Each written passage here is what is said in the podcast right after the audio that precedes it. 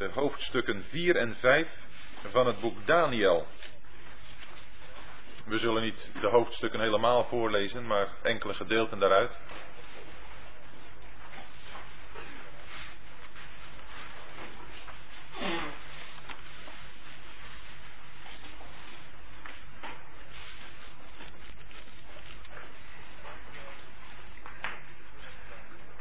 Daniel 4, te beginnen bij vers 1.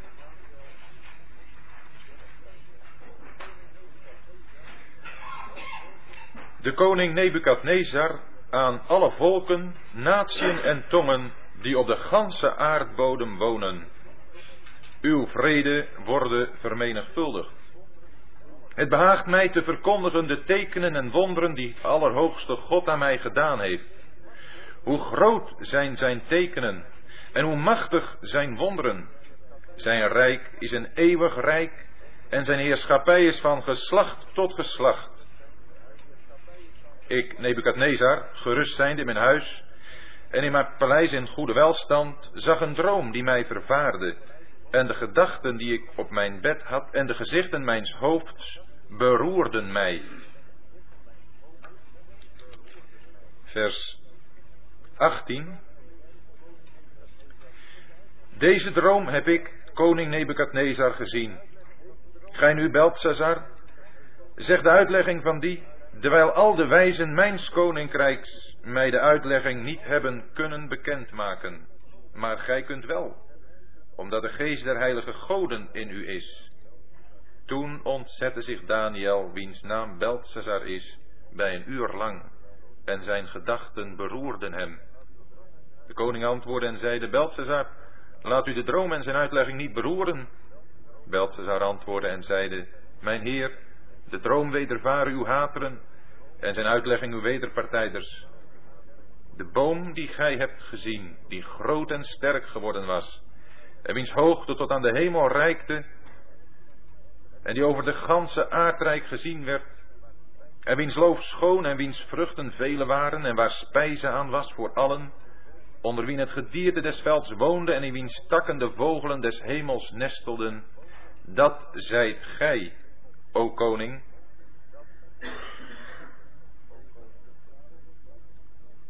Vers 27.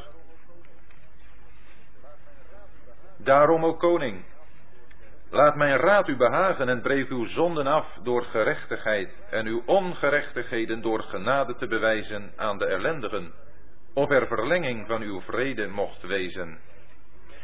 Dit alles overkwam de koning Nebukadnezar. Want op het einde van twaalf maanden, toen hij op het koninklijk paleis van Babel wandelde, sprak de koning en zeide, Is dit niet het grote Babel dat ik gebouwd heb, tot een huis des koninkrijks, door de sterkte mijner macht en ter ere mijner heerlijkheid? Dit woord nog, zijnde in des konings mond, viel er een stem uit de hemel, u, o koning Nebukadnezar, wordt gezegd, het koninkrijk is van u gegaan. En men zal u van de mensen verstoten, en uw woning zal bij de beesten des velds zijn. Men zal u gras te smaken geven als de ossen, en er zullen zeven tijden over u voorbij gaan, totdat gij bekent dat de Allerhoogste over de koninkrijken des hemels, des mensen heerschappij heeft, en dat hij zich geeft aan wie hij wil. Terzelfde uren werd dat woord volbracht over Nebukadnezar, want hij werd uit de mensen verstoten, en hij at gras als de ossen, en zijn lichaam werd van de dauw des hemels nat gemaakt, totdat zijn haar wies als der arenden vederen en zijn nagelen als der vogelen. Ten einde deze dagen nu hief ik, Nebukadnezar, mijn ogen op ten hemel, want mijn verstand kwam weer in mij, en ik loofde de Allerhoogste, en ik prees en verheerlijkte de eeuwig levende, omdat zijn heerschappij is een eeuwige heerschappij en zijn koninkrijk is van geslacht tot geslacht. En al de inwoners der aarde zijn als niets geacht. En hij doet naar zijn wil met het Heer des hemels en de inwoners der aarde. En er is niemand die zijn hand afslaan of tot hem zeggen kan, wat doet gij? Terzelfde tijd kwam ook mijn verstand weder in mij ook kwam de heerlijkheid mijns koninkrijks, mijn majesteit en mijn glans weder op mij. En mijn raadsheren en mijn geweldigen zochten mij. En ik werd in mijn koninkrijk bevestigd. En mij werd groter heerlijkheid toegevoegd. Nu prijs ik Nebukadnezar en verhoog en verheerlijk de koning des hemels, omdat al zijn werken waarheid en zijn paden gerichten zijn. En hij is machtig te vernederen degenen die in hoogmoed wandelen.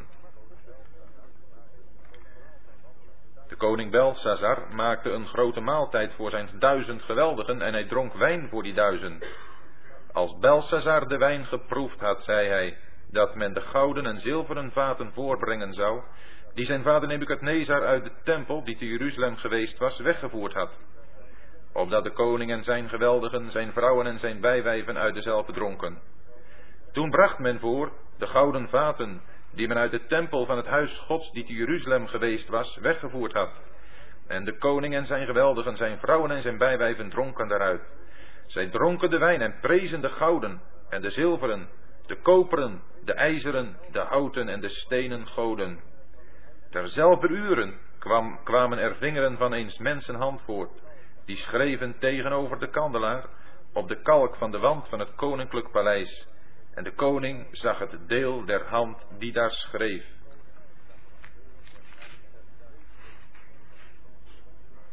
Vers 17 van dit hoofdstuk.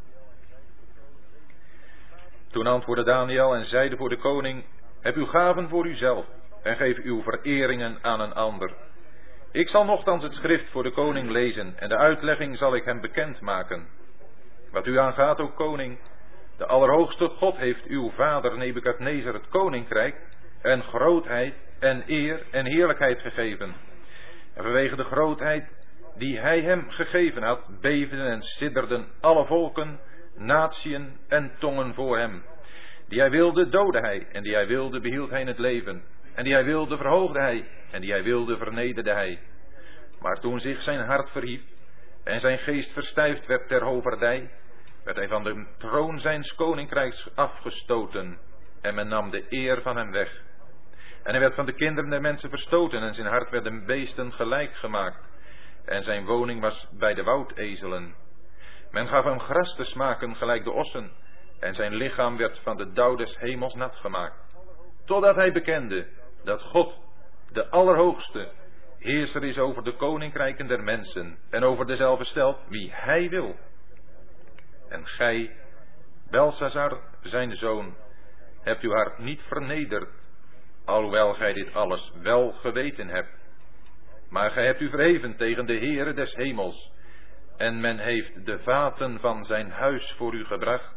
En gij en uw geweldigen, uw vrouwen en uw bijwijven hebben wijn uit dezelfde gedronken, en de, goud, de goden van zilver en goud, koper, ijzer, hout en steen die niet zien, nog horen, nog weten, hebt gij geprezen.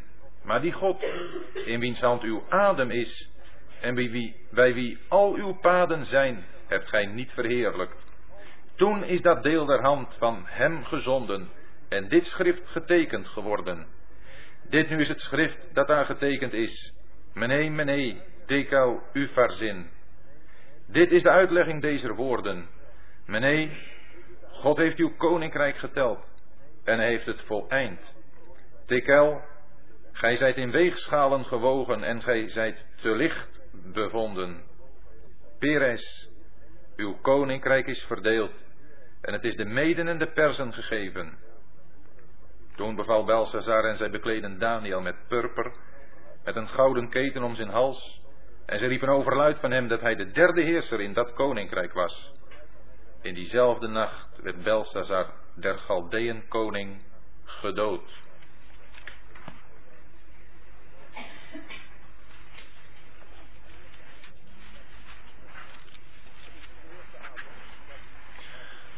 Het is niet de eerste avond dat u iets uit het boek Daniel hoort, heb ik begrepen. Misschien zal het goed zijn om toch nog even in herinnering te brengen wat dit boek Daniel ons eigenlijk te vertellen heeft. Het boek Daniel bevat twaalf hoofdstukken. En het hele boek Daniel is een profetisch boek. Maar dat boek Daniel behandelt profetie niet zoals de andere profeten van wie we boeken hebben in de Bijbel, want die spreken over Israël. Maar het boek Daniel behandelt de geschiedenis van de volkeren en vormt daarmee een hele duidelijke uitzondering op de andere profetische boeken die we in de Bijbel hebben. En dat doet Daniel op een hele bijzondere manier.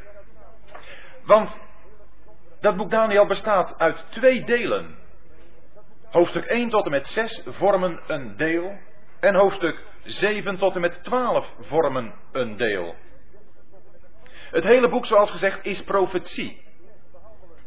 Maar het hoofdstuk 1 tot en met 6 behandelen vooral de historische gebeurtenissen, zoals die hebben plaatsgevonden. Ze houden ook zeker profetie in. We hopen daar vanavond iets over te zien. Maar de hoofdstukken 7 tot en met 12 vormen profetie in zichzelf. De dromen bijvoorbeeld worden in de hoofdstukken 1 tot en met 6, voor zover die voorkomen, gegeven aan de machthebbers, aan Nebukadnezar. Terwijl de dromen in hoofdstuk 7 tot en met 12 gegeven worden aan Daniel. Zodat hij inzicht verkrijgt over Gods plannen met deze wereld. Hoe het zal gaan. Het boek Daniel handelt over, zoals Lucas dat noemt, de tijden van de volkeren. Dat is die tijd waarbij het volk Israël door God niet meer erkend wordt als zijn volk. Daarop staat geschreven, zoals Hosea dat zegt, Lo ami, niet mijn volk. Zij zijn weggevoerd vanwege hun opstand tegen de Here. En hoe vaak hij ook geprobeerd heeft door zijn profeten dat volk tot zich terug te brengen. En het de zegeningen van zijn hart te geven die hij het zo graag had willen geven. Het is alles mislukt vanwege de hardheid van hun harten. En in het boek Ezekiel zien we hoe traag God is om zich terug te trekken uit de plaats waar hij wilde wonen, Jeruzalem, en met name de tempel. En we zien in die hoofdstukken 10 en 11, zien we hoe God zich terugtrekt. Eerst aan de poort van de tempel, dan aan de poort van de stad, dan op de olijfberg en tenslotte teruggaat naar de hemel. De heerlijkheid van de Heer is terug in de hemel, niet meer op aarde. En het volk Israël is weggevoerd. De tien stammen al veel eerder, verstrooid door de Assyriër. En de twee stammen door Babel. Nebukadnezar. Hij heeft ze meegenomen en in gevangenschap gevoerd. En vanaf dat ogenblik heeft God de macht aan de volkeren gegeven. En met name aan deze man waarover, waarvan we het eerst gelezen hebben, Nebukadnezar. De tijden van de volkeren, aangevangen met Nebukadnezar, ze zullen duren totdat de Heer Jezus terugkomt. Tot de Heer Jezus terugkomt en zijn voeten zullen staan op de olijfberg. En hij dan zijn heerlijk rijk van vrede en gerechtigheid zal oprichten. Waar Nebuchadnezzar enkele malen over spreekt. Zijn rijk is een eeuwig rijk. De rijken hier op aarde hebben allemaal menselijke opvolging gehad. Het zij door moord, het zij door erfopvolging. Maar dat rijk wat de Heer Jezus zal vestigen, wanneer hij zal terugkeren naar deze aarde, is een eeuwig rijk. Wanneer hij het in het begin van het duizendjarig vrederijk aanvat,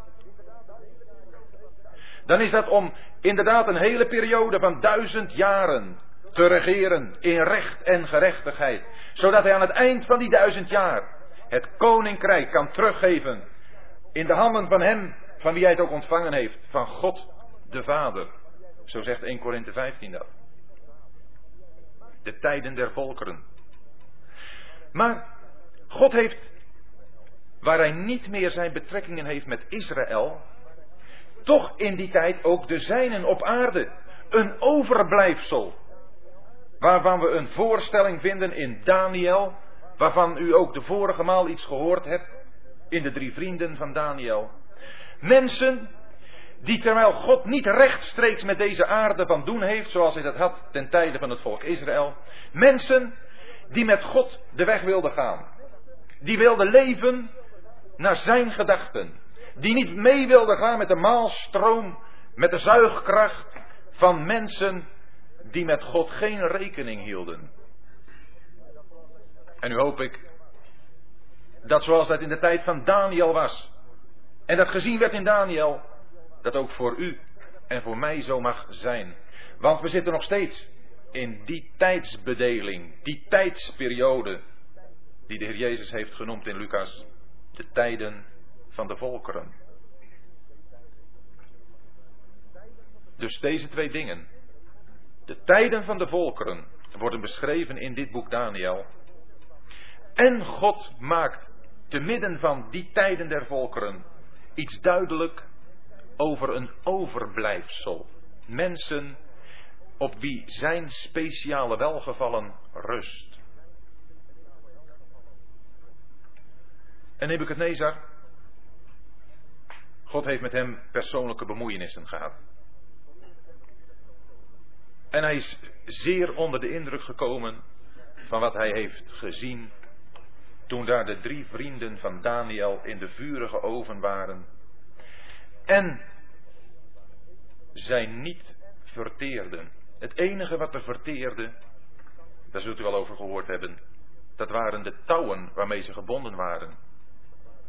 Ze werden toen echt vrij. Dat is mooi. Dat God ons in beproevingen brengt om ons vrij te maken. Vrij van banden waar wij nog mee gebonden zijn. Vrij van verhinderingen om werkelijk tot Zijn eer te leven. Tot Gods eer in de beproevingen te zijn. En Nebuchadnezzar, onder de indruk gekomen, gaat in hoofdstuk 4 aan het begin een bekendmaking doen. Hij wil het aan al zijn onderdanen laten horen wat de tekenen en wonderen zijn die de Allerhoogste God aan hem gedaan heeft. Dat is iets moois. Dat mag ons wel iets zeggen. Ik weet inderdaad niet wie u bent voor het grootste deel. En ook niet of u de Heer Jezus kent als uw heiland, als uw Heer. Ik weet niet of u met uw zonden tot God bent gegaan en gezegd hebt, o God, wees mij zondaar genadig. En of u uw zonden hebt gezegd tegen God en hebt erkend dat God rechtvaardig zou zijn wanneer u, hij u in de hel zou werpen. Als dat zo is, dan heeft God u ongetwijfeld door zijn woord gewezen op die ene middelaar die er is tussen God en mensen, de Heer Jezus. En dan hebt u mogen zeggen, oh God, dank u wel voor de Heer Jezus. Dat waar ik het oordeel verdiende over mijn zonden, en terecht, de Heer Jezus het heeft gedragen voor mij. Zodat aan al uw heilige eisen is voldaan. Maar ik mag nu vrij zijn. En de Bijbel zegt dat zoveel hem hebben aangenomen, hun heeft het recht gegeven kinderen van God te zijn. Hun die in zijn naam, dat is in de naam van de Heer Jezus, geloven. En als het al een klein beetje langer geleden is dat u dat hebt mogen doen, dan hebt u ongetwijfeld in de Bijbel gelezen over de Heer Jezus, wie Hij is, die redder van u. Die wilde komen naar deze aarde, die hier op aarde wilde leven tot Gods eer en die toch in de dood ging. Want hij die leefde tot Gods eer, kon op grond van zijn volmaakte wandel hier op aarde, het volmaakt gehoorzamen aan de wet van God, die zei, doe dit en gij zult leven. Wel, dat had de Heer Jezus gedaan. En toch, toch ging hij in de dood. Toch wilde hij dat verschrikkelijke werk op het kruis volbrengen. En die verschrikkelijke uren van duisternis en van het gescheiden zijn van God. Het verschrikkelijkste wat er is. De hel is daarom zo verschrikkelijk, omdat het een eeuwig gescheiden zijn van God is. De bron van licht, de bron van leven, de bron van liefde, zoals we het in Johannes vinden. Dat is het verschrikkelijke van de hel. De Heer Jezus, Hij heeft het oordeel willen ondergaan om u en mij vrij te kopen, kinderen van God te laten worden. Als we dat mogen zien en als we enigszins een indruk hebben van wie Hij is en van wat Hij heeft willen doen, dan is er ook van ons iets uit te gaan, iets uit te stralen, zoals Nebukadnezar. Ook bij hem was het nog maar een uiterlijke indruk. Hij had iets gezien En we zullen ons maar niet uitlaten over de vraag of hij er innerlijk deel aan had. In elk geval, hij heeft het geproclameerd. Hij heeft bekendgemaakt wat de Allerhoogste hem had gedaan. Dat mogen wij ook in deze wereld. Bekendmaken wat de Allerhoogste ons heeft gedaan. Door het geven van zijn geliefde zoon. In vers 4 lezen we dat Nebukadnezar in zijn huis was, gerust, en dat hij in goede welstand was. We hebben gelezen in vers 29, twaalf maanden later, dat hij daar wandelt op het koninklijk paleis van Babel. Nebukadnezar,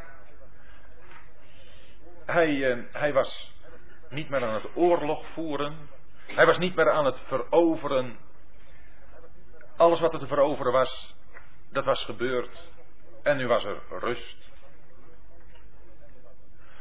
En rust is op zichzelf een hele goede zaak.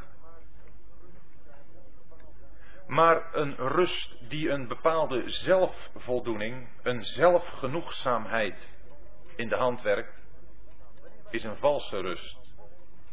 Wanneer wij voor een bepaalde rust God niet kunnen danken, zal de rust ons tot zonde brengen.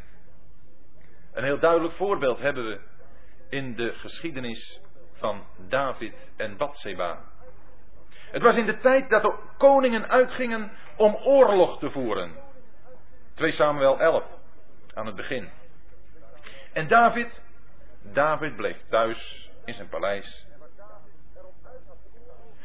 en waar David erop uit had moeten gaan, vooraan in het leger, en de oorlogen des Heren had moeten voeren, bleef hij thuis. En dan, dan ziet hij daar Bathseba, die zich aan het wassen is. En David komt tot zonde. Een verschrikkelijke zonde. Tot hoererij. En het oordeel van God is ondubbelzinnig. Nathan, de profeet, komt hem het aankondigen. En hij moet vier van zijn kinderen moet hij missen. O David, David was een gelovige. Psalm 51, daar zegt hij het. Dat zijn gebeente in hem kwijnde toen hij zweeg. Maar dat hij ook wist wat beleiden was. Wel gelukzalig de mens, wiens zonde vergeven, wiens ongerechtigheden bedekt zijn. Daar wist David van. Maar zo is het u en mij ook toch? Als we eens gemakkelijk en rustig thuis zijn. En we aanvaarden dat niet uit de hand van de Heer. En, en danken Hem niet voor die rust die Hij ons op dat ogenblik geeft. Dan zullen wij onze tijd, onze gedachten, zullen wij dan met verkeerde dingen vaak vullen. En dan komen wij tot zonde. Zo ging het Nebukadnezar. Hij kreeg een droom een goedheid van God. Want voordat we aan dat vers toe zijn, twaalf maanden later, krijgt Nebukadnezar eerst een waarschuwing door middel van die droom. Hij ziet daar een boom met prachtig loof, met goede vruchten, een beschutting voor de dieren van het veld, voor de vogels van de hemel en alle vlees werd daarvan gevoed. De boom werd groot en sterk. Zijn loof was schoon en zijn vruchten vele. Daniel zegt het. Dat zijt gij, o koning. Zo ziet Daniel dat in zijn droom. Een prachtige boom. Goede vruchten. Schitterend om te zien. Dat is iets groots. Iets geweldigs. Dat zijt gij, o koning. Het kwam er ook uit later hoor.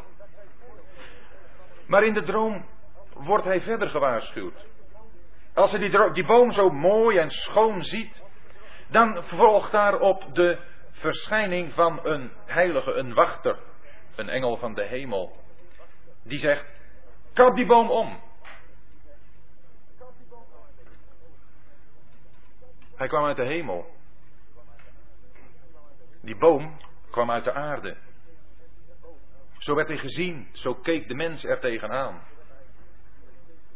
En de mens, wij, u en ik, wij kunnen zo gemakkelijk onder de indruk komen van iets geweldigs, van iets groots. Dat is voor ons allemaal misschien weer wat anders. Maar dan komen we onder de indruk. Dat is toch prachtig als je dat ziet, iets geweldigs. Mensen die wat kunnen presteren, op welk gebied ook. Maar we mogen ons best wel eens gaan afvragen hoe de hemel daarover denkt.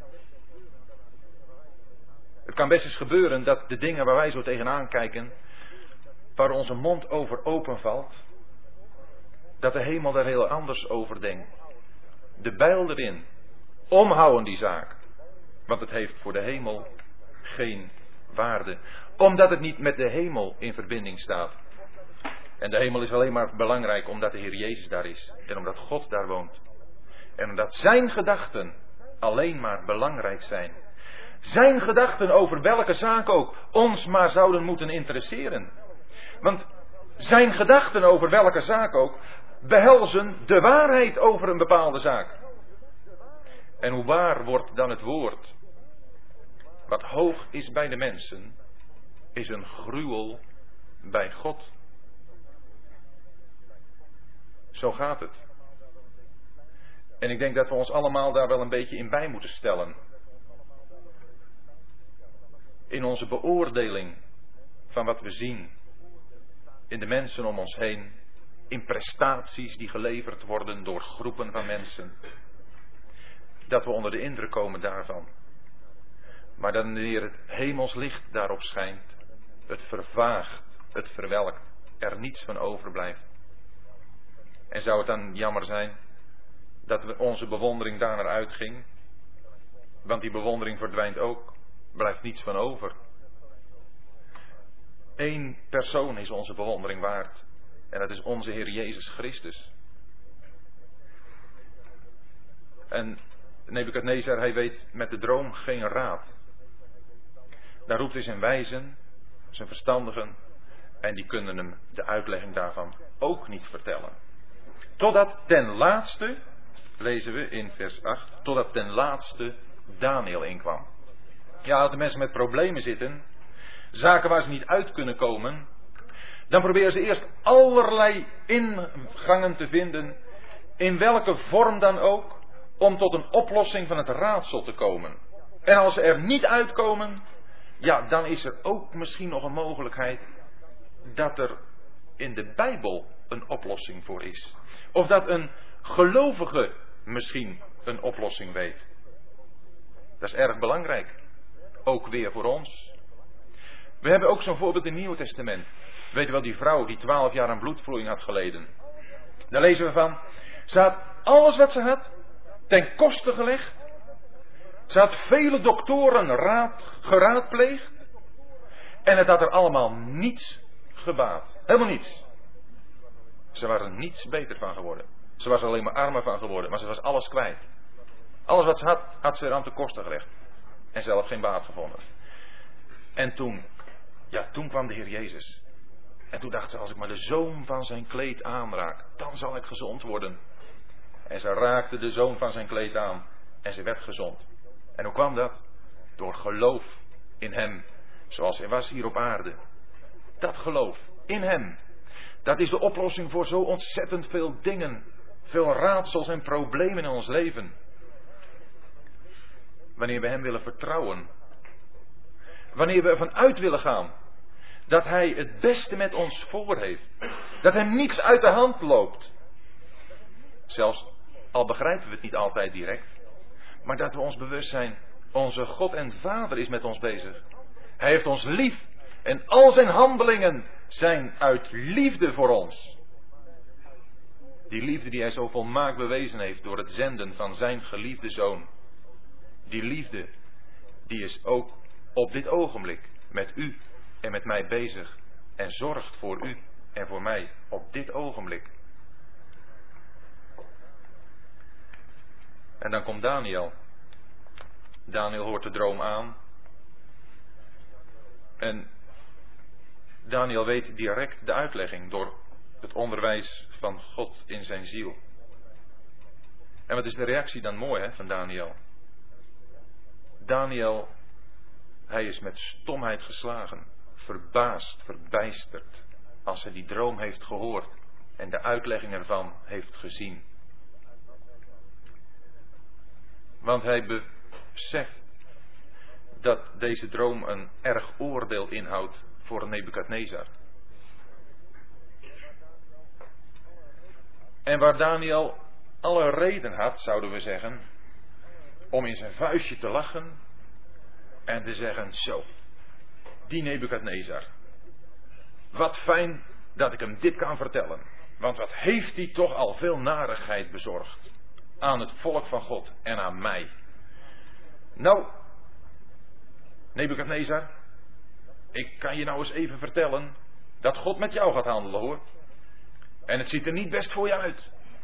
En dit gaat er met je gebeuren en dat gaat er met je gebeuren. Nee, dat ging Daniel niet doen.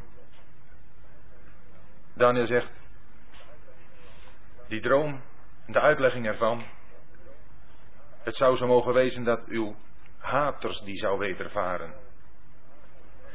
Daniel was niet sarcastisch. Daniel was niet hardvochtig. Daniel vergoot geen kwaad met kwaad. Daniel was een man die met God in verbinding stond. En voor God is het een vreemde zaak, lezen we ergens in de profeten, om te oordelen. Maar het moet wel gebeuren. Maar Daniel is als het ware een beetje terughoudend. Hij is wat bang om het te vertellen. Om de ernstige boodschap die het bevat. We kennen nog zo'n persoon, die was dan jong. Samuel. Samuel kreeg ook een openbaring van de Heere dat het met Eli en zijn huis verkeerd zou aflopen. En Daniel, Samuel moest het gaan vertellen. Hij wilde niet, maar hij moest het gaan vertellen. Maar hij was bang om het te zeggen. En wanneer wij mensen moeten aanzeggen, het oordeel van God dat komt. Dat komt over deze wereld. Dat zal de goddelozen treffen. Hoe zeggen wij dat? Zijn we ook bewogen met de mensen wie we het moeten vertellen? Of hebben we ook enigszins een beetje leedvermaak? Omdat die mensen die ons nu zo uitlachen, die zo minachtend op ons neerkijken, ons bespotten soms, dan eindelijk hun loon wel eens zullen krijgen. Het is nog de tijd van de genade. En de gezindheid van de Heer Jezus moet in onze prediking ook openbaar worden. We zullen met bewogenheid de mensen om ons heen moeten spreken over het oordeel. Dat moet gepredikt worden, dat oordeel. Er moet gewaarschuwd worden. God heeft een Nebukadnezar willen waarschuwen. God heeft destijds door Noach de hele mensheid willen waarschuwen. En ze hebben voor hun ogen gezien hoe daar een ark gereed gemaakt werd. Die toegang bood aan ieder mens. En elke hamerslag van Noach was een aankondiging van het oordeel. Maar ze hebben uitgelachen, bespot. Man, wat haal je in je hoofd midden op het land zo'n groot schip te gaan bouwen? Maar Noach heeft gesproken. De prediker van de gerechtigheid wordt hij genoemd. En dat waarschuwen, dat moet gebeuren. Dat zal ook door ons moeten gebeuren. Want God heeft de Heer Jezus opgewekt uit de doden en hem aan zijn rechterhand geplaatst. En deze man, zegt Handelingen 17, is door God daartoe bestemd dat hij het aardrijk in gerechtigheid zal oordelen. En daarom, daarom moeten de mensen zich nu overal bekeren. En dat moeten we ze aanzeggen. Want als u en ik het niet doen, wie doet het dan? En ze zullen reddeloos verloren gaan. En u en ik hebben daar een geweldige opdracht. Om het de mensen aan te zeggen. En we kunnen ze daarbij vertellen dat er een arke des behouds is. Door God zelf gegeven. In de persoon van de Heer Jezus. Maar dan moet Daniel toch de droom verklaren. Maar Daniel waarschuwt de koning. Als hij heeft gezegd hoe het met hem zou gaan. Omdat die droom met die boom die afgehouden wordt over hem spreekt. En zegt hij in vers 27, daarom, o koning, laat mijn raad u behagen en breek uw zonden af door gerechtigheid en uw ongerechtigheden door genade te bewijzen aan de ellendigen, of er verlenging van uw vrede mocht wezen. Wel, Daniel geeft ook Nebukadnezar persoonlijk raad. Er is een mogelijkheid om gered te worden. Breek dan met je zonden. Breek ermee. Maar voor u en mij geldt het ook wel. Als we door genade de Heer Jezus mogen kennen. Zijn er nog zonden in ons leven waarmee we niet willen breken? Ze verhinderen ons om werkelijk gelukkig te zijn. Om werkelijk de blijdschap van het kind van God zijn te ervaren. Breek uw zonden af. En doe dat door gerechtigheid. Stel daar rechtvaardige daden voor in de plaats. Maar dan rechtvaardige daden die God rechtvaardig vindt. En dat is ook weer een heel andere norm dan de mensen in deze wereld aanleggen voor rechtvaardige daden. Nee, rechtvaardig naar de normen van God. Dan zullen we zijn woord moeten raadplegen. En zo heeft Daniel deze Nebukadnezar willen waarschuwen.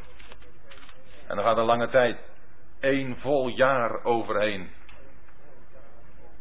Maar dan is het dan toch ook zover. Dan komt er openbaar in het hart van Nebukadnezar wat er altijd al in zat. En dat was de hoogmoed. Zijn hoogmoed. Hij is er op het paleis en hij kijkt daar eens naar Babel. En hij zegt, is dit niet het grote Babel dat ik gebouwd heb?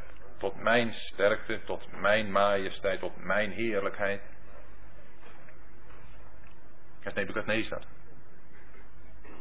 Wat zeg ik? Dat bent u. En dat ben ik. Ieder in ons eigen koninkrijkje. Nooit het gevoel gehad. Binnen dat eigen koninkrijkje van uzelf, dat u om u heen gebouwd hebt. Te midden waarvan u zich de hele Piet voelt. Dat u met enige voldoening toch wel hebt geconstateerd dat u van dit of dat wel wat gemaakt had. Maar het is hoogmoed. Hoogmoed is de eerste zonde geweest in deze schepping. Hoogmoed zal de laatste zonde zijn in deze huidige schepping. En ze komen beide voor in de duivel. In 1 Timotheus 2 lezen we over de hoogmoed, dat, dat de zonde is van de duivel. Hij die een morgenster was, een verheven engel, die een lichtende glans had, een schitterend schepsel van God. Maar zegt, of Jezaja 14 of Ezekiel 28, totdat er ongerechtigheid in u gevonden werd. Totdat er in uw hart gevonden werd, ik zal mijn troon gelijkstellen aan die van God. Dat is de hoogmoed. En het laatste, dat zullen we zien vanuit de hemel. Wanneer hier op aarde de antichrist zal regeren en in Jeruzalem een beeld zal op laten richten van het beest. U zult daar ongetwijfeld de vorige keer over gehoord hebben. Van het beest dat uit de afgrond opstijgt en dat zichzelf zal laten aanbidden dat hij God is. Wel, van dat beest is Daniel hier een type, een voorbeeld geworden door zijn hoogmoed. Want waarom wordt Daniel hier een dier? Omdat dieren geen verbinding hebben met God door een geest. Een mens heeft verbinding met God door zijn geest, maar een beest, een dier heeft dat niet. Dus een schepsel wordt door God onderhouden, maar heeft geen bewustzijn van een macht die boven hem staat in die zin van een schepper. En dat hebben u en ik wel. En waar een mens de verbinding met zijn schepper niet meer erkent, wordt hij een dier gelijk in zijn handelingen. En in Nebukadnezar krijgt dat letterlijk handen en voeten, wordt dat gezien. Maar de geest ervan, wat we zien in Nebukadnezar ten volle, kan ook zo heel venijnig bij ons werken, zoals gezegd. Dat kan werken, misschien wel op het bedrijf waar wij werken. Ik weet niet of een bepaalde positie hebt daar. Het bedrijf waar ik werk, daar wordt er over gesproken dat iedereen, elke baas, zo zijn eigen koninkrijkje heeft. Daar is zijn heer en meester, heeft het voor het zeggen. En zolang hij maar erkend wordt, wil hij ook nog wel wat voor zijn ondergeschikten doen. Dat hebben we misschien allemaal. Dingen waar we net iets beter in zijn dan een ander. Daar kunnen we ons aardig op beroemen. Maar we vergeten dat wat 1 Korinthe 4 zegt. Wat hebt u eigenlijk dat u niet ontvangen hebt? Kunt u één ding opnoemen wat u niet ontvangen hebt? God waarschuwde Israël daarvoor in Deuteronomium. Als jullie in het land gekomen zijn en ik jullie al die zegeningen gegeven heb en jullie dat allemaal mogen genieten daar, pas er dan voorop dat je niet zegt, door de sterkte mijner hand heb ik het mij verkregen. Pas er wel voorop dat je mij niet vergeet. Ik heb het jullie gegeven. Jullie hebben er niets voor hoeven doen. Helemaal niets. Dat is hoogmoed. Vergeten dat wat we gekregen hebben, dat we dat van God gekregen hebben. En dat is de geest van Laodicea. Ik ben rijk en verrijk, ik heb aan niets gebrek. Dat is wat in de gemeente van God ook op een funeste wijze kan werken. 1 Timotheus 2 wordt de dienst van opziener naar voren gebracht. De dienst van het dienen van elkaar als gelovigen. Dat moet niet een pasbekeerde zijn. Er worden een heleboel voorwaarden genoemd. 1 Timotheus 3 is dat begin. Er worden een heleboel voorwaarden genoemd. Opdat u niet hoogmoedig geworden in dezelfde strik van de duivel vervalt. Als wij denken onder Gods kinderen een bepaalde plaats te hebben, dan is dat de zonde van de hoogmoed. Die hebben we niet. De Heer Jezus heeft gezegd, ik ben onder u als een die dient. En wie de meeste wil zijn, laat hij dan allerdienstknecht zijn. Wil u dat zijn? Wil ik dat zijn? Of lopen we met de vingers in onze revers? Kijk, dat hebben wij ervan gemaakt, hè? Ook op geestelijk gebied is het een groot gevaar. Een grote strik. Nebukadnezar heeft het aan de lijve ondervonden, want toen hij dat zei, dit is het Babel dat ik gebouwd heb, kwam er een stem uit de hemel, dat in vervulling zou gaan op datzelfde ogenblik waarvoor hij gewaarschuwd was. En hij werd aan de beesten van het veld gelijk. Hoewel anders, die stem uit de hemel, toen de Heer Jezus hier op aarde was, die niet zichzelf heeft gezocht. Filippi 2, u moet het maar weer eens voor uzelf lezen, misschien voor de zoveelste keer. Hij die het geen roof geacht heeft God gelijk te zijn, maar zichzelf heeft ontledigd en de mensen gelijk is geworden. Een uiterlijke mens bevonden, heeft hij zichzelf ook onder de mensen nog vernederd en is de slaaf van de mensen geworden. Maar ook als slaaf heeft hij zich willen vernederen en is gehoorzaam geworden tot de dood, ja tot de dood van het kruis.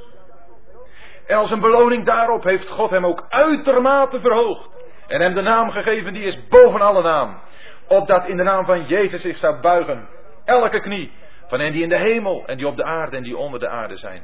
En elke tong zou beleiden dat Jezus Christus Heer is. Tot heerlijkheid van God de Vader. Wat de tegenstelling met Adam, met Nebukadnezar. Die God gelijk wilden zijn. En die door God vernederd zijn geworden. De Heer Jezus is verhoogd. Zij, u en ik, wij zijn vernederd. En wij moeten ook regelmatig vernederd worden. Omdat Hij de nederigen genade geeft. De tekst uit 1 Petrus is aangehaald. Aan het begin. Maar de hoogmoedigen, die wederstaat hij.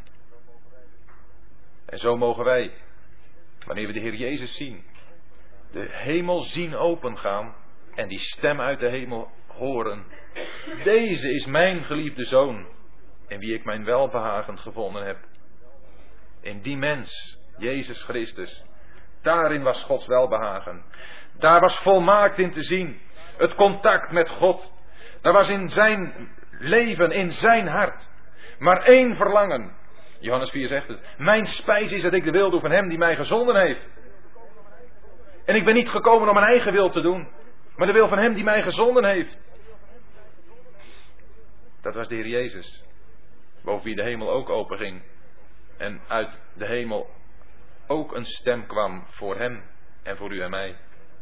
Hier komt ook een stem uit de hemel maar ten oordeel. En Nebuchadnezzar, hem overkomt dat oordeel, dat hij wordt als de dieren van het veld. Zeven tijden. Zeven, dat geeft een gesloten, een afgeronde periode aan. Zo zal het ook gaan. Dat ook als het gaat om de tijden van de volkeren, er een eind zal komen aan die tijden van de volkeren. En dan zullen de mensen zullen ertoe komen om God de eer te geven. Hem te prijzen zoals Nebukadnezar daartoe kwam. Want aan het eind, daar hebben we het gelezen. Nu prijs ik Nebukadnezar. En verhoog en verheerlijk de koning des hemels, omdat al zijn werken waarheid en zijn paden gerichten zijn. En hij is machtig te vernederen degenen die in hoog moet wandelen. Hij komt daar weer tot een lofprijzing van God. In vers 34 hebben we dat hij zijn ogen opheft naar de hemel. Dat is het begin van zijn herstel. Zoals gezegd, een dier ziet alleen maar naar de aarde. Heeft geen bewustzijn van zijn schepper. Maar voor ons als schepselen komt er weer contact met God wanneer wij onze ogen opheffen naar de hemel. Wanneer wij het vandaar verwachten. Niet van de mensen om ons heen, maar van daar alleen. Zo ging het met Nebuchadnezzar. En zijn verstand kwam weer in hem en hij prees, hij loofde de Allerhoogste. Dat is een mooie uitdrukking, die zou eens na moeten gaan in de Bijbel, de Allerhoogste. De eerste keer dat die uitdrukking voorkomt is in Genesis 14. En dan vinden we Melchizedek, die Abraham tegemoet komt en dat hij terugkomt van het verslaan van de koningen, van Kedor Laomer en die anderen. En dan komt Melchizedek daar met brood en wijn. En hij zegende de Allerhoogste. En ook daar vinden we in dat stukje van Genesis 14 een prachtig beeld, een zinnenbeeld, een voorafschaduwing van het vrederijk. Dat heerlijk rijk van vrede en gerechtigheid, wat hier op aarde overal zal zijn. En waar dan de Heer Jezus, als de ware Melchizedek, dat is hij, hij is de echte Melchizedek, dan de zegeningen zal uitdelen, brood en wijn. En de Allerhoogste, die uitdrukking, die benaming van God, die heeft te maken met het rijk, het eeuwig rijk, zoals dat genoemd wordt hier in het hoofdstuk, van zijn zoon, van de Heer Jezus Christus, de zoon des mensen. En Psalm 8 beschrijft dat rijk op een heerlijke wijze, wanneer alles aan zijn voeten zal zijn gesteld. Wanneer hij hier vrede, gerechtigheid en beleidschap als de rivier, als een rivier zal laten uitstromen over deze aarde. Wat zal dat wat zijn? Een mooie uitdrukking die Nebukadnezar hier gebruikt. En zoals gezegd komt hij aan het eind van dit hoofdstuk ook tot een lofprijzing. Echt gekregen. Dan lezen we in Daniel 2, in vers 46. Toen viel koning Nebukadnezar op zijn aangezicht en aanbad Daniel. En hij zeide dat men hem met spijsoffer en lieflijke reukwerken drankoffer doen zou. De koning antwoordde Daniel en zei: Het is de waarheid dat jullie God een God der goden is en een Heere der koningen en die de verborgenheden openbaart, terwijl gij deze verborgenheid hebt kunnen openbaren. In Daniel 3 vinden we aan het eind, vers 29, een iets hogere lofprijzing, een erkenning. In Daniel 2 aanbidt hij Daniel en spreekt hij over God. Hier in Daniel 3, vers 29, daarom wordt van mij een bevel gegeven, nee, vers 28 al, Geloofd zij de God van Sadrach, Mesach en Abednego, die zijn engel gezonden heeft en zijn knechten verlost heeft, die op hem vertrouwd hebben. En des konings woord veranderd en hun lichamen overgegeven hebben, opdat zij geen God eerden noch aanbaden dan hun God. Daarom wordt van mij een bevel gegeven dat alle volk, natie en tong, die lastering spreken in de God van Sadrach, Mesach en Abednego in stukken gehouden worden en zijn huis tot een drekhoop gesteld worden. Want er is geen ander God die alzo verlossen kan. Dat is weer iets meer. Dan gaat het niet zozeer om Daniel, maar dan gaat het om de God van Daniel. De God van Sadrach, Mesach en Abednego. Maar nog in verbinding met mensen. Maar hier in Daniel 4 aan het eind, daar, je zou kunnen zeggen, daar komt hij tot de hoogste vorm van lofprijzing als het gaat om God zelf. in Daniel 4 vers 34 in het midden. En ik prees en verheerlijkte de eeuwig levende, omdat zijn heerschappij is een eeuwige heerschappij en zijn koninkrijk is van geslacht tot geslacht. Daar prijst hij God en doet hij dat zelf, vanuit zichzelf. In de geschiedenis die we hebben in Daniel 5 hebben we de hoogste vorm van laster, zou je kunnen zeggen, die we in het boek Daniel beschreven vinden. Belshazzar durft het bestaan om de heilige vaten die gebruikt werden in de tempel, om God daarmee te dienen, te gebruiken, te misbruiken voor een feest wat hij had aangericht met duizend anderen erbij. En waarmee hij te kennen wilde geven zijn eigenlijk zijn verachting, zijn minachting voor die God. Laat ze maar komen, die vaten. En terwijl hij daar wijn uitdrinkt, prezen zij de gouden en zilveren, koperen, ijzeren, houten en stenen goden. Het is een uitdaging aan God. We weten uit het Nieuwe Testament dat achter die goden van die verschillende materialen demonen schuilgaan. En wanneer ze zo deze goden prijzen, dan prijzen zij in werkelijkheid de demonen, de duivelen die daarachter gaan, achter schuil gaan. En die die lofprijzing graag in ontvangst nemen. En zo steeds meer beslag krijgt op de harten van de mensen. Maar het is een uitdaging aan God. En God neemt de uitdaging aan. Want terwijl ze zo aan het feest vieren zijn, verschijnt daar ineens op de muur een vinger. Vingeren, een hand. Je moet je dat een beetje voorstellen. Dat moet een geweldige zaal geweest zijn. Met om en nabij duizend mensen. Het is opmerkelijk, er staan bij, bij tegenover de kandelaar. Dus die hand en wat er geschreven werd, dat werd goed in het licht gezien. En iedereen zag dat. Opmerkelijk. Het moet daar doodstil geworden zijn. Op de wijze, voor de wijze waarop God hier handelt. O God had in zijn macht en majesteit natuurlijk enkele engelen kunnen zenden. En dat hele toneel kunnen wegvagen. Als we weten dat één engel in het Assyrische leger 185.000 man, man dood. En toch doet God dat niet. Hij had op een andere wijze zijn heerlijkheid, zijn majesteit, zijn verhevenheid boven dit wild gebras kunnen tonen. Maar hij doet het niet. Hij doet het door een vinger. Gods vinger. Het is de hand van een mens. Maar het is ook duidelijk dat God het doet. Het hele lichaam is niet te zien. Er is alleen een hand te zien. En een vinger die schrijft. Beangst zijn ze geworden door dit toch wel heel opmerkelijk gebeuren.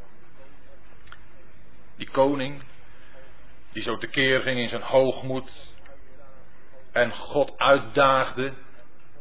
Hij wordt als een kind, een bibberend, bevend kind, in tegenwoordigheid van dit geheimzinnig verschijnsel. En ook hij gaat, net als Nebukadnezar, eerst te raden bij zijn wijzen. Maar ze kon zelfs het schrift niet eens lezen.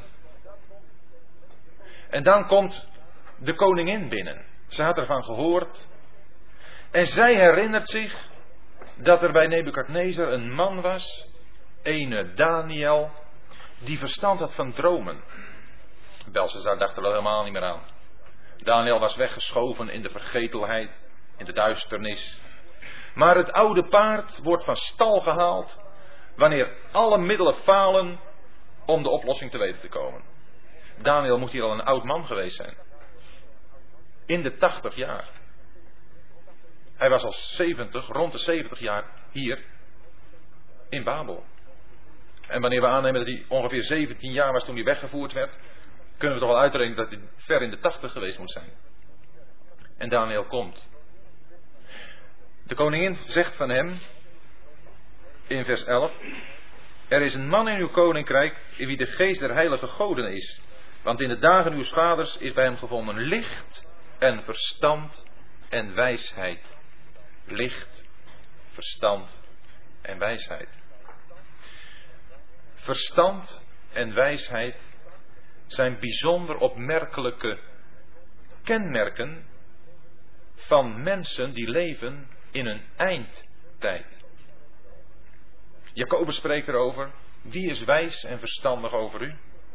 In Psalm 104 of 107 aan het eind. Wie is wijs en verstandig? En in Hosea aan het eind. Waar is de wijze en de verstandige? Mensen die verstandig zijn, en dat bedoel ik natuurlijk, verstandig doordat hun verstand geopend is. Doordat ze een verlicht verstand gekregen hebben. Van de mens van nature die met God geen contact heeft. Daarvan staat geschreven dat hij verduisterd is in zijn verstand. Maar Daniel had een verlicht verstand. Dat zijn mensen die een inzicht, een doorzicht hebben in wat er zich afspeelt. Kunnen u en ik ook zo aangemerkt worden? Dat wanneer mensen met problemen zitten, ze weten, hé, hey, daar kun je terecht. Ze hebben daar meer grip op. Ze hebben er verstand van. Oh, we zullen net als Daniel dan moeten zeggen: het is niet uit ons. Maar door Gods genade mogen we toch verstand hebben, inzicht hebben in wat er zich allemaal afspeelt in deze wereld. De gebeurtenissen spreken, vingerwijzingen van God. Gebeurtenissen, grote rampen, kleine rampen, gebeurtenissen, vingerwijzingen van God. Kunnen we de mensen vertellen? Zouden ze naar ons willen luisteren? Ik bedoel, niet zouden ze naar ons willen luisteren wanneer wij er naartoe gaan, maar zijn we van die mensen die te benaderen zijn en waarvan ze weten, daar kun je terecht. En daar willen we eens naar luisteren, wat die te vertellen hebben. Daniel gaat hier ook aan het vertellen. Maar hij heeft niet alleen verstand, hij heeft ook wijsheid. En wijsheid is kennis die op de goede manier in praktijk wordt gebracht. Wel, Daniel, die stond daar. En hij had licht. Hij stond er in die duisternis, die geestelijke duisternis. Daniel had licht en wat verlichte ogen. En hij keek geestelijk heel scherp. En hij stond daar als die eerbiedwaardige oude man. Tegenover al die pracht en praal. Als eens een Jacob voor Farao bijvoorbeeld. Jacob, die herdersvorst, ook al oud geworden, wie we zo opmerkelijk mooi lezen. Hij zegende Farao. Dat kon Jacob doen. Al had hij nog zo'n bedroevend leven achter zich. Hij zocht altijd de zegen van God. Laten we dat nooit vergeten. Maar hij zegende Farao. En de Hebreeënbrief zegt: Ongetwijfeld wordt het mindere door het meerdere gezegend. En zo kon hij Farao zegenen. En wat te denken van een Paulus. Die daar ook te midden van zoveel pracht en praal, zoveel wereldse heerlijkheid stond aan het hof. Toen hij zich te verantwoorden had tegenover Felix. Ach, dan kan hij het zeggen tegen Felix. Ik wilde wel dat u en allen die me heden horen, zo waren als ik. En daar stond hij dan, arme gevangenen, geboeid. Zo waren als ik. En dat was geen hoogmoed. Dat was een diepe vrede in zijn ziel. Hij zegt er dan zo laconiek achteraan, uitgezonderd deze boeien. Ach, die gunde hij ze niet. Maar wel de vrede die hij had in zijn ziel. En Daniel ook. Wanneer de koning hem wil belonen, dan zegt hij, heb uw gave voor uzelf. En geef u eer maar aan een ander. Maar ik zal u vertellen wat het betekent.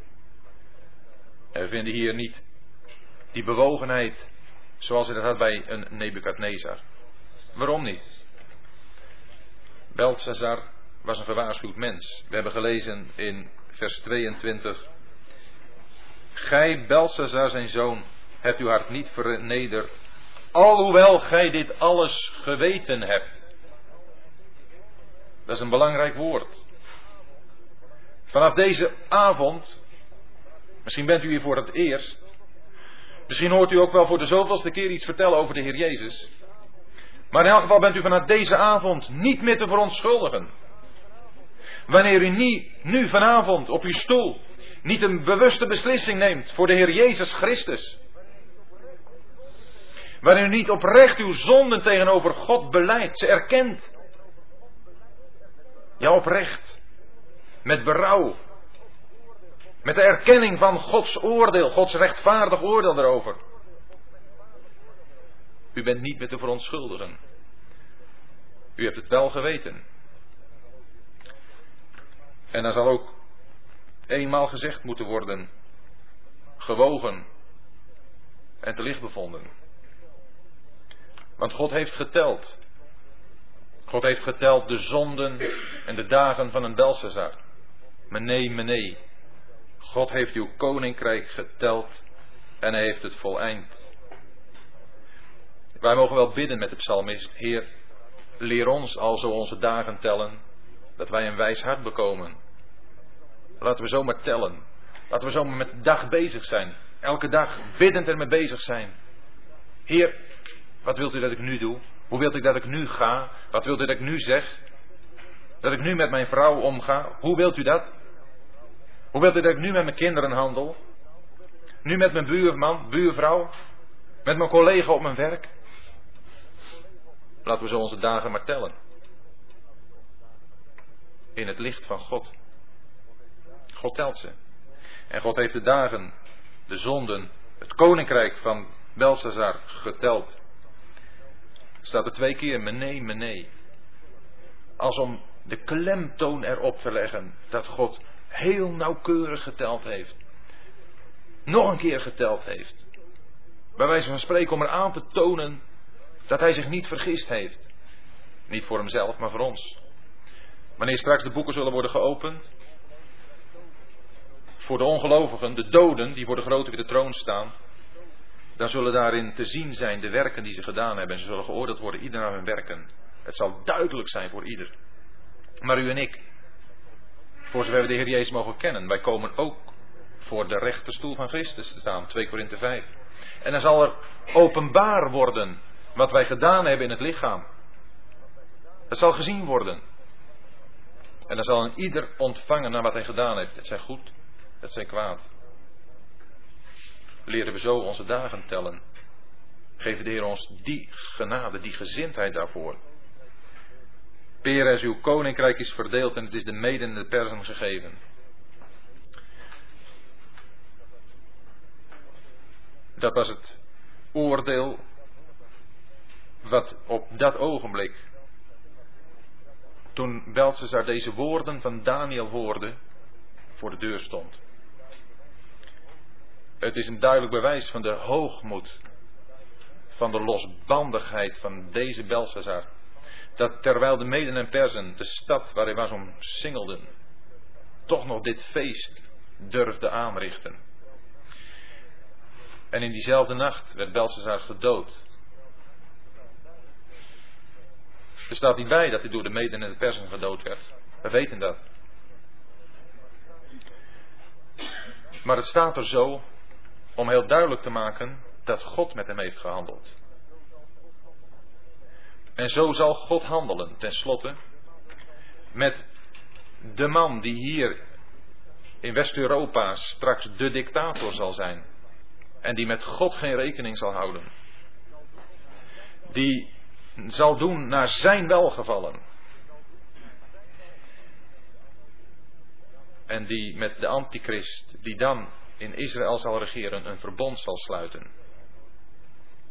En die twee, de antichrist en het beest dat hier zal regeren, de grote dictator, de sterke man, waar steeds meer en vaker om geroepen wordt, die zullen door God zelf, door de Heer Jezus, als twee eersten geworpen worden in de hel. Daar komt niemand anders aan te pas. En zowel Nebukadnezar in zijn vernedering, als ook deze Belshazzar in zijn geschiedenis, zijn typen, zijn voorbeelden van deze persoon. En er is een gebed in mijn hart voor u en voor mezelf, dat we toch ook niet kenmerken daarvan in ons leven zullen hebben. Dat we Hem, de Heer Jezus, zullen willen dienen in nederigheid, in ootmoed. Opdat we ook voor elkaar tot een zegen kunnen zijn, ook elkaar kunnen dienen tot een hand en een voet kunnen zijn. Want we hebben elkaar zo nodig in deze tijd. In deze tijd waarin de ongerechtigheid steeds duidelijker wordt. Waarin de normen van God steeds openbaarder worden losgelaten. Waarin steeds verder van de schrift wordt afgeweken. Deze tijd hebben we nodig om bij elkaar te blijven. Samen het woord van God te lezen. Samen te zien wie de Heer Jezus is. Samen te zoeken naar de weg die Hij wil dat we gaan. Persoonlijk en gemeenschappelijk. Tot Zijn eer.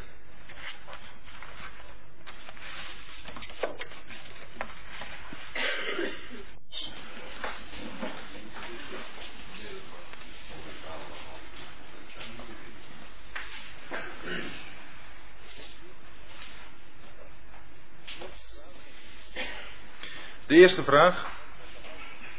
Is Nebukadnezar behouden? Dat is een moeilijke vraag. Tenminste, de vraag is simpel. Maar het antwoord zou ik op zichzelf niet weten. Misschien dat iemand in de zaal uh, me daarbij kan helpen. Ik heb geen aanwijzingen dat hij behouden is.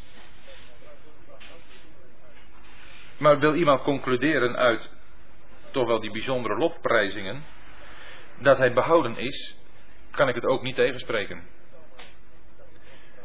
Dus ik zou me niet om van de vraag af te zijn, maar ik durf er niet een uh, definitief antwoord op te geven. Ik denk dat het belangrijkste is dat we in hem bepaalde beginselen naar voren gebracht zien. En dat die ons wat te vertellen hebben. En dat we daarop moeten letten, hoe God met hem handelt. Met hem als persoon, maar dan toch ook wel als de vertegenwoordiger van de volkeren. En in die tijd leven wij nu. En dat wat hij dus erkennen moet, bij ons ook gevonden behoort te worden. Ik weet het niet of het hetzelfde is, maar je leest natuurlijk niet in de Bijbel dat hij zich heeft verontmoedigd. Dat is een schuld heeft beleefd, dat, dat staat er niet bij. Dat staat wel bij David. Ja. Gezond, zegt Ja. Maar daar hebben natuurlijk nog niks aan. Nee, ik, ik, weet, het, ik weet het niet. Nee. Want dat is wel iets uh, dat je werkelijk zegt, dat is. Toch zal je moet schuld beleiden. Ja, dat is beslist noodzakelijk, ja. Ja, dat is zeker. Ik hoop dat de vraagsteller in elk geval wel weet of hij zelf behouden is. Dat is ook wel heel erg belangrijk. En uh, daarover is vanavond wel iets gezegd al. Daarover is ook heel duidelijk in het woord van God te lezen. Laat u met God verzoenen. Dat is de opdracht die persoonlijk naar de mens toekomt. Naar u, naar mij. En waar ieder voor zichzelf het antwoord op zal moeten geven. Die verzoening is tot stand gebracht door het kruiswerk van de Heer Jezus Christus. Waar Hij zijn bloed heeft laten vloeien tot vergeving van zonden. En dat wie zijn zonden nu beleidt, erkent dat ze ook vergeven kunnen worden door God. Op een rechtvaardige manier. Niet door ze door de vingers te zien, maar door er vergeving aan te kunnen schenken, omdat er mee gehandeld is. God is rechtvaardig en moet dus met zonden handelen. En dat moet hij doen, of met de persoon in kwestie, wanneer hij niet erkent een zondaar te zijn, of met de Heer Jezus. En dat heeft hij gedaan. Hij heeft gehandeld in gerechtigheid met de Heer Jezus. Voor een ieder die in het geloof hem als heiland aanvaardt. Dat is erg belangrijk. Nogmaals, dat uh, zegt verder niets van de vraag. Maar uh, het maakt wel duidelijk dat het altijd een persoonlijke zaak is. En dat zit toch wel iets in de vraag ook opgesloten. De tweede is, wat was het gouden en zilveren gerei uit de tempel? En waarom staat er dat alleen het gouden gerei gehaald werd? Dat het, alleen het gouden gerei gehaald werd, zou in vers 3 staan. Toen bracht men voor de gouden vaten die men uit de tempel van het huis Gods, die te Jeruzalem geweest was, weggevoerd had. Wat was het gouden gerei? Ik dacht dat we in Ezra, in het eerste hoofdstuk, een opsomming vinden. We weten dat wij in het boek Ezra, in het hoofdstuk 1, de terugkeer van een klein overblijfsel vinden, wat verlof krijgt van koning Kores om terug te keren naar het land Juda. En dan lezen we in vers 7 van Ezra 1. Ook bracht de koning Kores uit de vaten van het huis des Heren, die Nebukadnezar uit Jeruzalem had uitgevoerd en had gesteld in het huis zijns gods. En Kores, de koning van Perzië, bracht ze uit door de hand van Mitredat, de schatmeester, die ze aan Sesbazar, de vorst van Juda, toetelde. En dit is een getal, 30 gouden bekkens, 1000 zilveren bekkens, 29 messen, 30 gouden bekers, 410 andere zilveren bekers, andere vaten 1000. Alle vaten van goud en zilver waren 5400. Alle deze voerde Sesbazar op met degene die van de gevangenis opgevoerd werden van Babel naar Jeruzalem. Daar zal Belshazzar beslist een greep uit gedaan hebben uit die verzameling. En de, het overblijfsel dat terugkeerde naar het land Israël. Een handje vol was het maar vergeleken bij wat achterbleef in Babel. Maar zij hebben toch die vaten meegenomen. En waarom staat er dat alleen het gouden gerei gehaald werd? Ik weet het niet. Misschien dat, omdat het het voornaamste was, dat ook vooral gebruikt werd.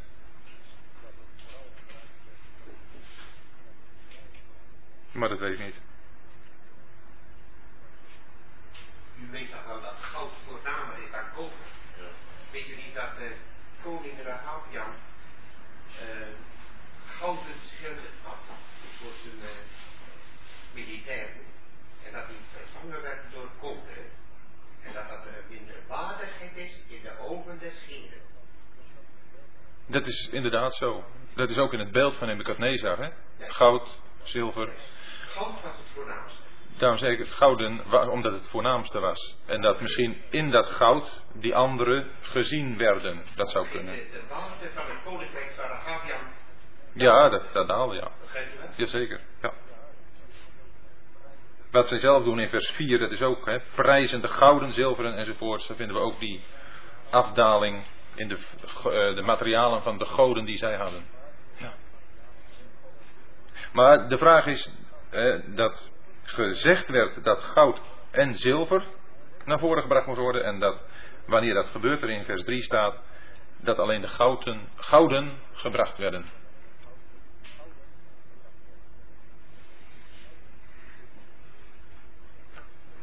Dus of het helemaal bevredigend is, weet ik niet. Maar ik weet er niet veel meer van te vertellen. Dan een andere vraag. Kunt u iets vertellen van de betekenissen van de naam Belsazar? Is zoon van Nebukadnezar en opvolger koning. Belsazar is Daniel.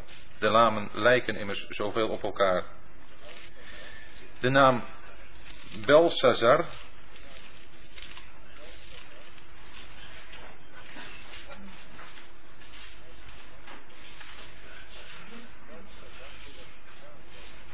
Beltzazar, zo werd Daniel genoemd. Het heeft te maken met de God van de Babyloniërs. En naar de naam Mijns Gods. Ja, ik heb de namen niet opgeschreven. Vorst van Bel. Vorst van Bel. En Beltzazar? Dat weet je ook niet. Nee. Beltzazar is vorst van Ja, Bel. Beltzazar is. Daniel dus, maar uh, die koning, dat was zonder P. Ja. Ja, het verschil, hè? In een andere vertaling staat er Beltzazar. Geloof ik, het is weer een E tussen gevoegd, ik weet niet. De namen lijken zo op elkaar. Ik weet het niet.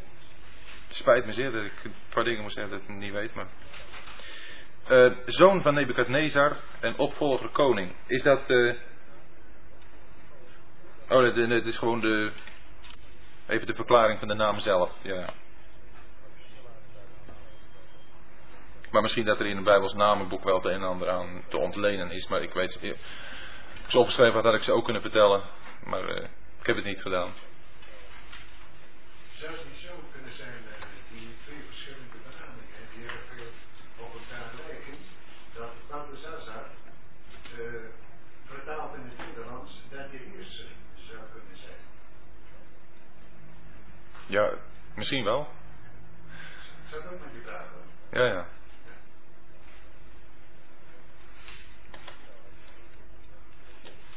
En dat zou hij dus wezen, hè? Derde heerser. Ja.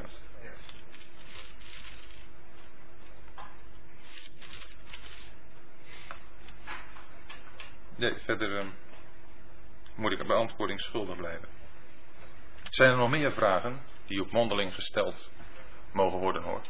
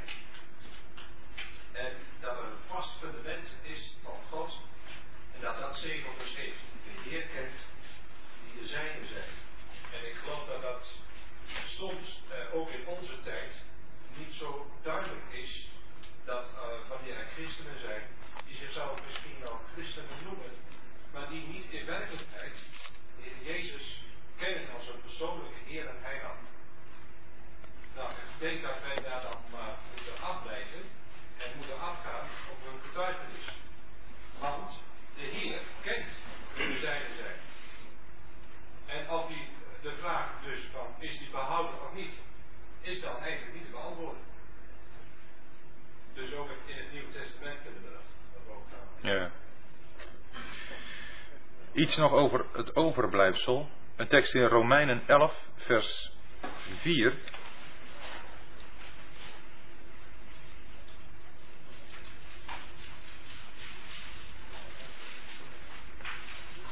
Romeinen 11, vers 4. Maar wat zegt het goddelijk antwoord tot hem? Ik heb mij 7000 mannen doen overblijven die hun knie voor Baal niet gebogen hebben. Daar hebben we de hele het hele beginsel van overblijfsel. Overblijfsel betekent dat God voor zichzelf een rest heeft afgezonderd van het algemene verval wat heerst. Dat waar zijn oordeel over het geheel zou moeten komen, omdat allen hebben gezondigd, allen van de weg des Heren zijn afgeweken dat hij daar te midden van dat algemene verval en die afval toch een overblijfsel heeft. Voor zichzelf. Ik heb het mij afgezonderd. Dat vinden we bij de vloed. Waar de mensen weg verdorven had op aarde, daar vond Noach genade in de ogen des Heren. We vinden dat in het volk Israël telkens weer, wanneer dat weer door God verheven wordt uit een toestand van slavernij, daarin weer wegzakt omdat ze God vergeten, dan vormt God daar voor zichzelf toch een getuigenis. Een getuigenis voor zijn naam, een getuigenis voor zijn rechten, te midden van dat verval. Dat is in Israël zo geweest, dat is nu ook zo.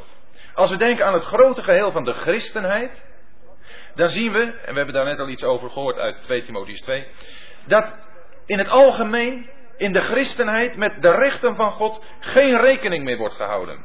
Zijn rechten worden prijsgegeven. En in het dienen van God wordt norm wat de mensen denken. De Bijbel wordt losgelaten. Maar te midden van dat algemene verval, dat algemene afgeleiden, dat weggaan van God, zijn er die pal willen staan voor de waarheid van God. Die willen vasthouden aan de waarheid van God. Die de waarheid van God willen verkondigen, prediken, tegenover dat algemene verval. En dat is een rest, een overblijfsel. Maar laten we daarbij goed begrijpen dat wanneer u of ik dat door genade zouden mogen zijn, het door Gods genade inderdaad is. En niets anders.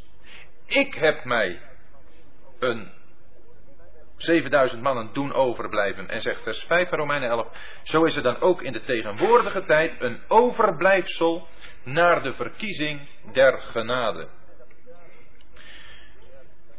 En dat betekent dat wij afstand willen doen van de ongerechtigheid. 2 Timotheus 2. God kent die de zijnen zijn, gelukkig. Daar hoeven we niet over in discussie te gaan met elkaar. God kent ze. Maar tegenover elkaar moet dat ook blijken. Hoe blijkt dat nu tegenover elkaar? Hoe kunnen we dat nu bij elkaar beoordelen, zien, waarnemen? Dat kan alleen gezien worden aan de manier waarop wij handelen. Wat wij doen. En dan staat er, en ieder die de naam van de Heer noemt, dus die beleidt, en dat doet iedereen in de christenheid, die beleidt Christus, het zij echt met zijn hart, omdat hij de Heer kent, het zij met zijn mond alleen, omdat hij nu eenmaal tot die christenheid geboord, omdat hij uit christelijke ouders geboren is en als dooplidmaat ergens toegevoegd is. Maar wat over de innerlijke toestand van zijn ziel helemaal niets hoeft te zeggen. Hoe kan het nu dus voor ons duidelijk worden wie de naam van de Heer noemt, dus die naam beleid, staat van ongerechtigheid. En wat is ongerechtigheid? Ongerechtigheid is alles wat in strijd is met de rechten van de Heer. Wie de naam van de Heer noemt. En de Heer Jezus is Heer geworden. Dat betekent, Hij is degene die het gezag in ons leven behoort te hebben. Als we dat beleiden, moet het ook te zien zijn dat Hij Heer is. Dat Hij het echt voor het zeggen heeft in ons leven, persoonlijk en gemeenschappelijk. Dat we ons aan Zijn rechten willen onderwerpen. Zo is het te zien. En dan vinden we verderop in 2 Timotheus 2, waar we deze tekst vinden, ook gesproken over aarden, gouden en zilveren, aarden en houten vaten. En we weten uit bijvoorbeeld 1 Thessalonicense 3 dat een vat een beeld is van het lichaam. Dat wij als personen dus voorgesteld worden daar als gouden, zilveren, houten en aarden vaten. Dat zijn u en ik. Dat wil zeggen, in dat grote huis, daar zijn dus houten, aarden aan de ene kant en gouden en zilveren vaten aan de andere kant. Personen. Dat grote huis, dat is de christenheid. En dat waar dus de naam van de Heer beleden wordt. In dat verband staat het. De gouden vaten, de zilveren vaten, dat zijn de gelovigen, de kinderen van God. 1 Korinthe 3 maakt het duidelijk. En de houten en de aardenvaten, dat zijn de ongelovigen. Waarom? Omdat houten en aardenvaten niet in het vuur kunnen staande blijven, maar goud en zilver wel. 1 Korinthe 3, kunt u het lezen. En nu kan in dat grote huis, waar dus niet meer te zien is wie nu echt van goud en van zilver is, of van hout en van aarde, is het belangrijk dat de gouden en zilveren vaten openbaar worden. Waardoor? Doordat zij zich onttrekken aan de ongerechtigheid. Doordat zij weggaan daar waar ongerechtigheid gevonden wordt. Waar dus dingen gevonden worden in strijd met de rechten van God. En ik meen ergens in Jezaja staat dat de oproep komt, gaat weg uit haar, gij die de vaten des Heren draagt. Die vaten des Heren, die hem toebehoren. Dan hebben we die verbinding. Dan moeten wij weggaan, daar waar de ongerechtigheid hoogtij viert. En dan kunt u allemaal voor uzelf en ik voor mezelf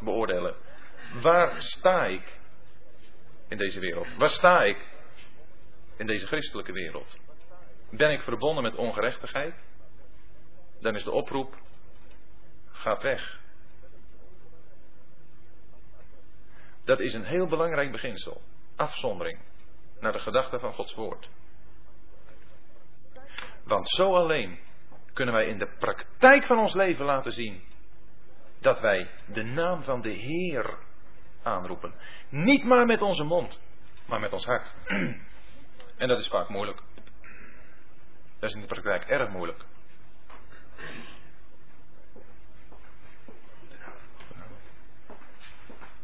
Maar de Heer wil daarvoor genade geven. Wanneer we het van Hem, wanneer van Hem verwachten. Hij wil ons helpen en de weg duidelijk maken. Maar dat is allemaal verbonden met die vaten. En met het overblijfsel wat er is. Ook in de tegenwoordige tijd. Naar de verkiezing van de genade.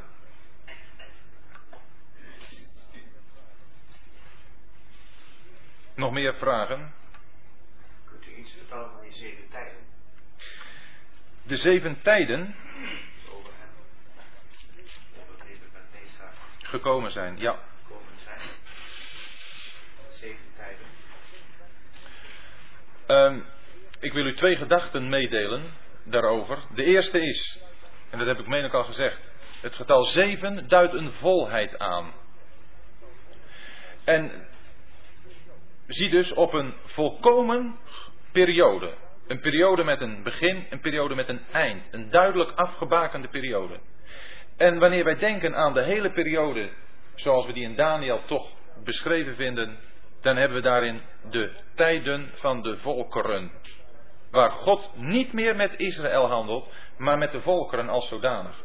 Dat is die hele tijd. En in die tijd zou je kunnen zeggen, houden de overheden, in wie we dat toch voorgesteld vinden in Nebuchadnezzar, in het algemeen geen rekening met God. Dat zou je als een algemene gedachte naar voren kunnen brengen. Persoonlijk voel ik meer voor de gedachte van deze zeven tijden, de laatste jaarweek van Daniel. Ik weet ook niet, er is me in de pauze al even aan gevraagd in hoeverre daar de vorige keer over gesproken is. In elk geval, wanneer de Heer dat geeft, denk ik dat er over gesproken wordt wanneer Daniel 9 behandeld wordt aan het eind. Maar kort zou ik dan dit ervan willen zeggen. Daniel heeft het in zijn profetie over 70 jaarweken. En die worden in een aantal delen verdeeld. Een eerste periode van uh, 62 weken. Een tweede periode van 62 tot 69 weken. En op de 69ste week wordt de Messias uitgeroeid, staat er in Daniel 9. Dat betekent dat de Heer Jezus dan komt en dan sterft. De Messias wordt uitgeroeid. Een hele duidelijke tekst. Maar dan stopt het. Dat wil zeggen, dat weten wij nu. Tussen de 69ste en de 70ste jaarweek ligt een grote interval, een grote tussenperiode. Hoe lang? Dat weten wij niet. Dat is de periode waarop God, waarin God op deze aarde in de tijden van de volkeren een volk voor zijn naam vergadert. Waarin de gemeente gevormd wordt, die een hemels een hemelse gemeente is. Een hemelse verbinding heeft met de Heer Jezus. Omdat de Heer Jezus in de hemel is. En de gemeente hoort bij Hem. In de hemel. En wanneer de Heer Jezus terugkomt om de gemeente op te halen. De gemeente hem tegemoet gaat in de lucht. En dan teruggaat naar de hemel. Daarna komt Hij terug naar de aarde. Zijn voeten zullen staan op de olijfberg. Dan zullen de vijanden geoordeeld worden. In Israël. De vijanden eromheen. En het is die periode van na de opname van de gemeente tot op de terugkeer van de Heer Jezus op de Olijfberg, die die periode van de laatste jaarweek omvat. En dat, zijn, dat is een periode van zeven jaar. En dan is het in elk geval duidelijk dat wat er in Romeinen 13 vers 1 staat, er is geen overheid dan van God. Dat is nu zo, maar dat is dan niet meer zo. Want wat er dan aan regeringsmacht is, Dat is hier in het Wester-Romeinse Rijk, wat dat een, een herstelde eenheid zal zijn. En we zien dat er steeds meer naartoe gaan al. Dat hier een man zal regeren, die genoemd wordt in Openbaring 13, het beest uit de zee. En waarom zeg ik dat zo? Omdat de zeeën een beeld zijn van de volkeren, de volkerenmassa. Daarover is de Bijbel duidelijk. Dat, dat is geen inlegkunde. Uit die volkerenmassa, die woelingen van de volkeren, en dat zien we op dit ogenblik. De mensen weten het niet meer in Europa. De chaos wordt alleen maar groter en het ene gat wordt gedicht met het andere. Maar de mensen komen er niet uit, zodat de roep om de sterke man steeds groter zal worden en groter wordt.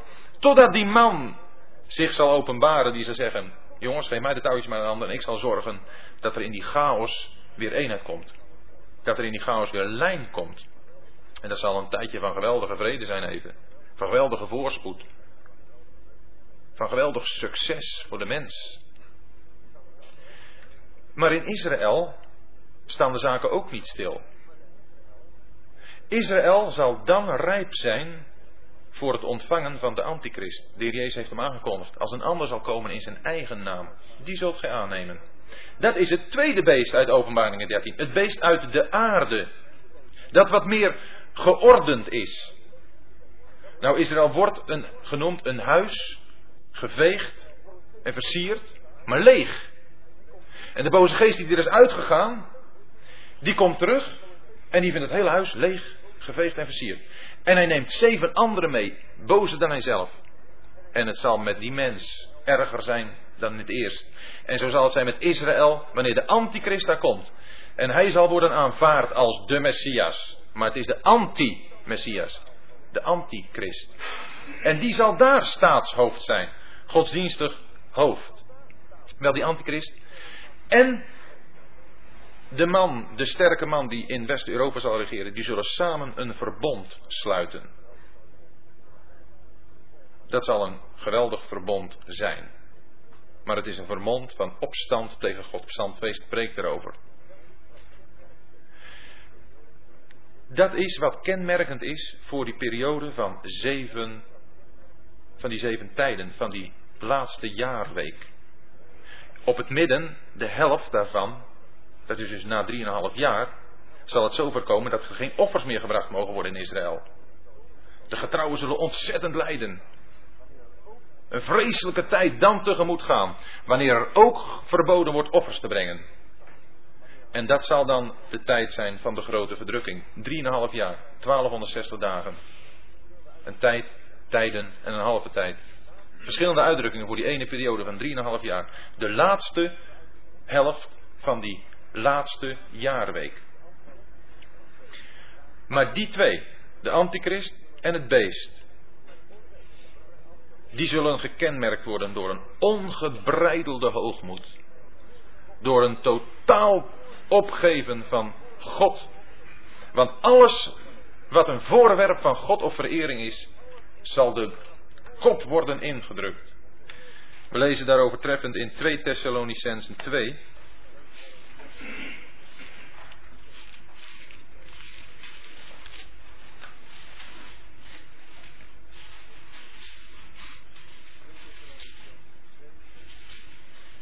2 Thessalonicensen 2, vers 3. Daar gaat Paulus spreken over een groot misverstand.